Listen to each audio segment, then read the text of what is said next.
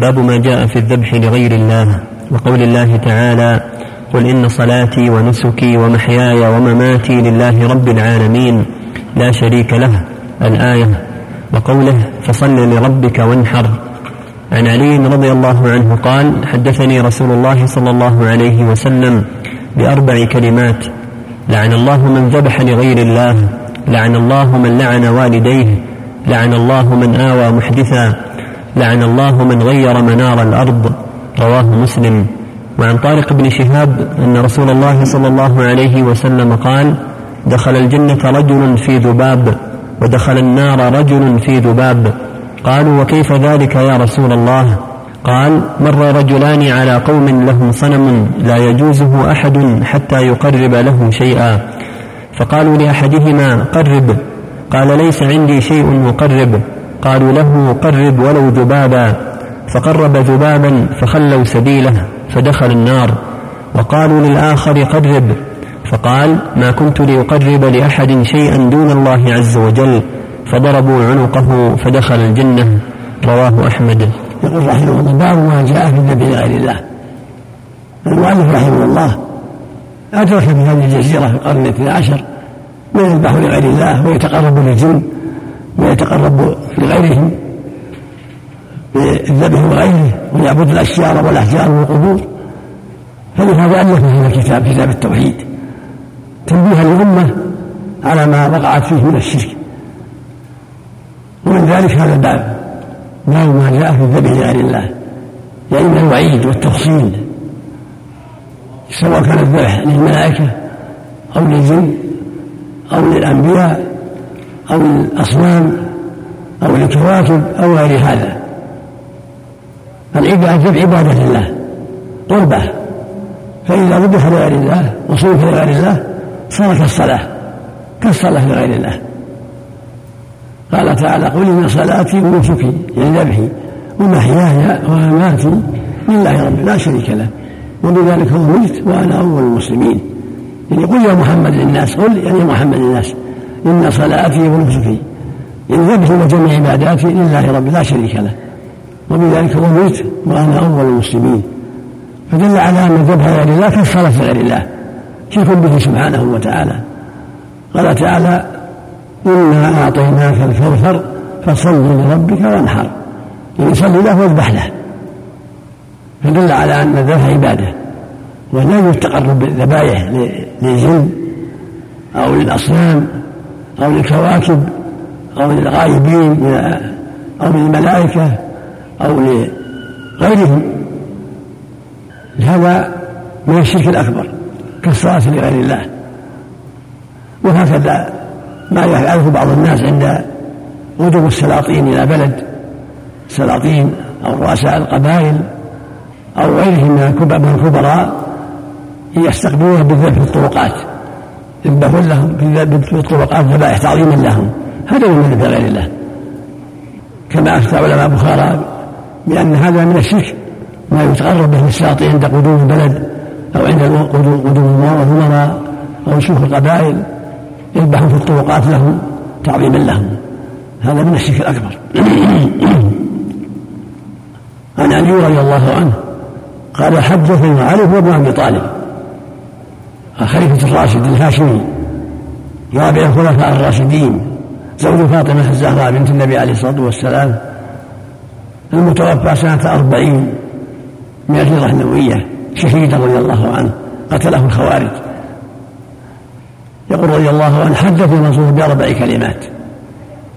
يعني أربع جمل. لعن الله من ذبح لغير الله. هذه واحدة. لعن الله من لعن والديه هذه الثانية. لعن الله من آوى محدثا. ثالثة. لعن الله من غير من الأرض رواه مسلم في الصحيح. أربعة.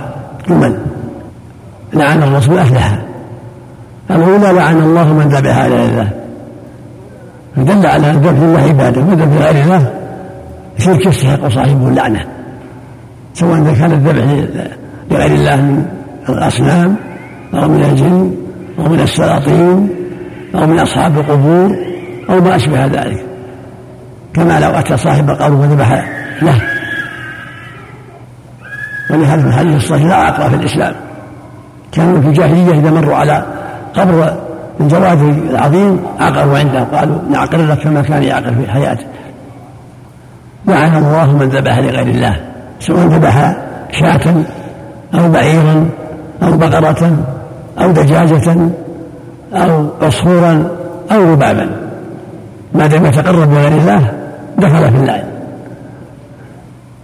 أما ما يذبح لوليمة عزيمة زيد أو عمرو يذبح لها في وليمة يذبح العقيقة لا بأس. هذا يذبح لأجل الشرع طاعة للشرع. أو للضيف يذبح له لإكرام الضيف لا بأس. أما الذبح للتعظيم في الطرقات عند مقابلة السلاطين أو الأمراء أو رؤساء القبائل هذا هو من جنس عمل الجاهلية. الثانية لعن الله من لعن والديه نعوذ بالله. لعن والديه من أقبح الكبائر. في الحديث الآخر في حديث عبد الله بن عمر في الصحيحين يقول النبي صلى الله عليه وسلم الكبائر شتم الرجل والديه. قيل يا رسول الله وهل يسب الرجل والديه؟ يعني مستنكر. حتى كبر يستنكر هذا وهل يسب الرجل والديه؟ قال نعم. يسب أبا الرجل فيسب أباه ويسب أمه فيسب أمه. يعني إذا كان سبابا للناس سب والديه إذا كان يلعن الناس لعن والديه فصار لاعنا لوالديه لأنه مسبب فهكذا من لعنه مباشرة يكون أقبح. من لعنه مباشرة مباشرة لعن والديه أو أحدهما هذا أقبح بالإثم وأشد الكبيرة نسأل الله العافية. سواء كان أباه وأمه أو جد وجدة كلهم آباء وأمهات. الثالثة لعن الله من آوى محدثا. إنسان يأتي معصية فيها حد فيؤويه الله يقام عليه الحد. يعني زاني يمنعه يقام عليه الحد. سارق يمنع أن يقام عليه الحد وهو ما أشبه ذلك. أو إنسان أحدث بدعة ويمنع البدعة. ولهذا يقول من آوى محدثا يعني بدعة.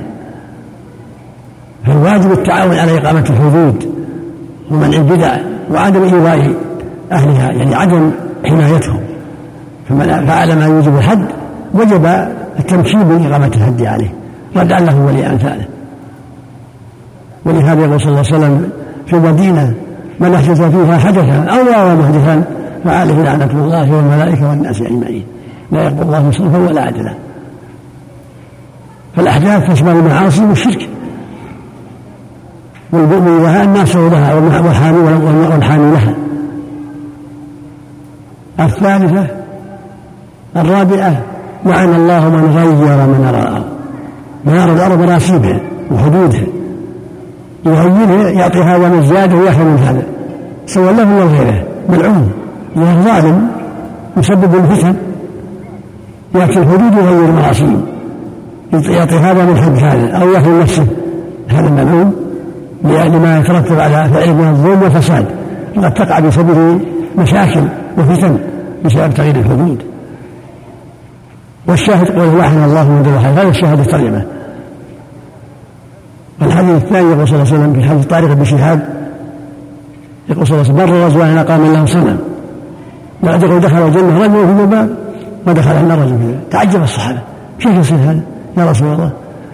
قال مر رجلان على قوم لهم صنم. الصنم ما يحدث على صورة وعبد من دون الله يقال الصنم كصورة للأنبياء أو للجن أو للمعظمين أو لأسود أو للنور تعبد سمى صنم ويطلق عليه وثن أيضا. مرة جاء على قبل صنم لا يجوز أحد حتى يقرب له شيئا. ما يتعدى أحد عند السدنة ما يتعدى أحد يقول لك قرب قرب عصفور قرب شاة قرب دجاجة قرب حمامة ليس ليس قال وأحدهم ما عندي شيء قرب تعرف ما عندي شيء. قالوا قربوا له الباب فقربوا الباب خلى سبيله. المهم الموافقة. انه يوافق على الشرك. لما وافق عليه ولو بالذباب كيف تكفي الموافقة فقال قال الآخر قرب. قال ما قال ما, ما كنت لاقرب لهذا شيء من الله. ما يمكن أقرب. ذبيحه لغير الله. لا يمكن أذبح لغير الله. لا يمكن يتقرب الأصنام فضربوا عنقة ودخل الجنة. هذا يدل على أنه لا يجوز التقريب من الأصنام ولو عصفور ولو ذباب ولو دجاجة ولو حمامة. كيف من يقرب الإبل والبقر والغنم. يكون شركه أكبر. سواء للأصنام أو للنجوم أو للجن أو السلاطين عند أو الأمراء عند قدوم البلاد تعظيما لهم أو ما أشبه ذلك. وفي هذا التحذير من التساهل بأمور الشرك. وأن الواجب على المؤمن أن يتعلم ويتفقه في الدين حتى لا يقع فيما يضره ولا ينفعه وهو لا يدري. ولهذا يقول صلى الله عليه وسلم من يريد الله به خيرا يفقهه في الدين. من يريد الله به خيرا يفقهه في الدين متفق على صحته. ويقول صلى الله عليه وسلم من دل على خير فله مثل أجر فاعله. ويقول صلى الله عليه وسلم من سلك طريقا يلتمس فيه علما سهل الله له بطريق الجنة. فينبغي بل يجب على كل مكلف أن يتعلم ما لا يسعه جهله سواء من الرجال أو النساء. واجب التعلم والسؤال عما يلزمه في دينه حتى لا يقع في ما حرم الله وحتى لا يترك ما أوجب الله. وفق الله الجميع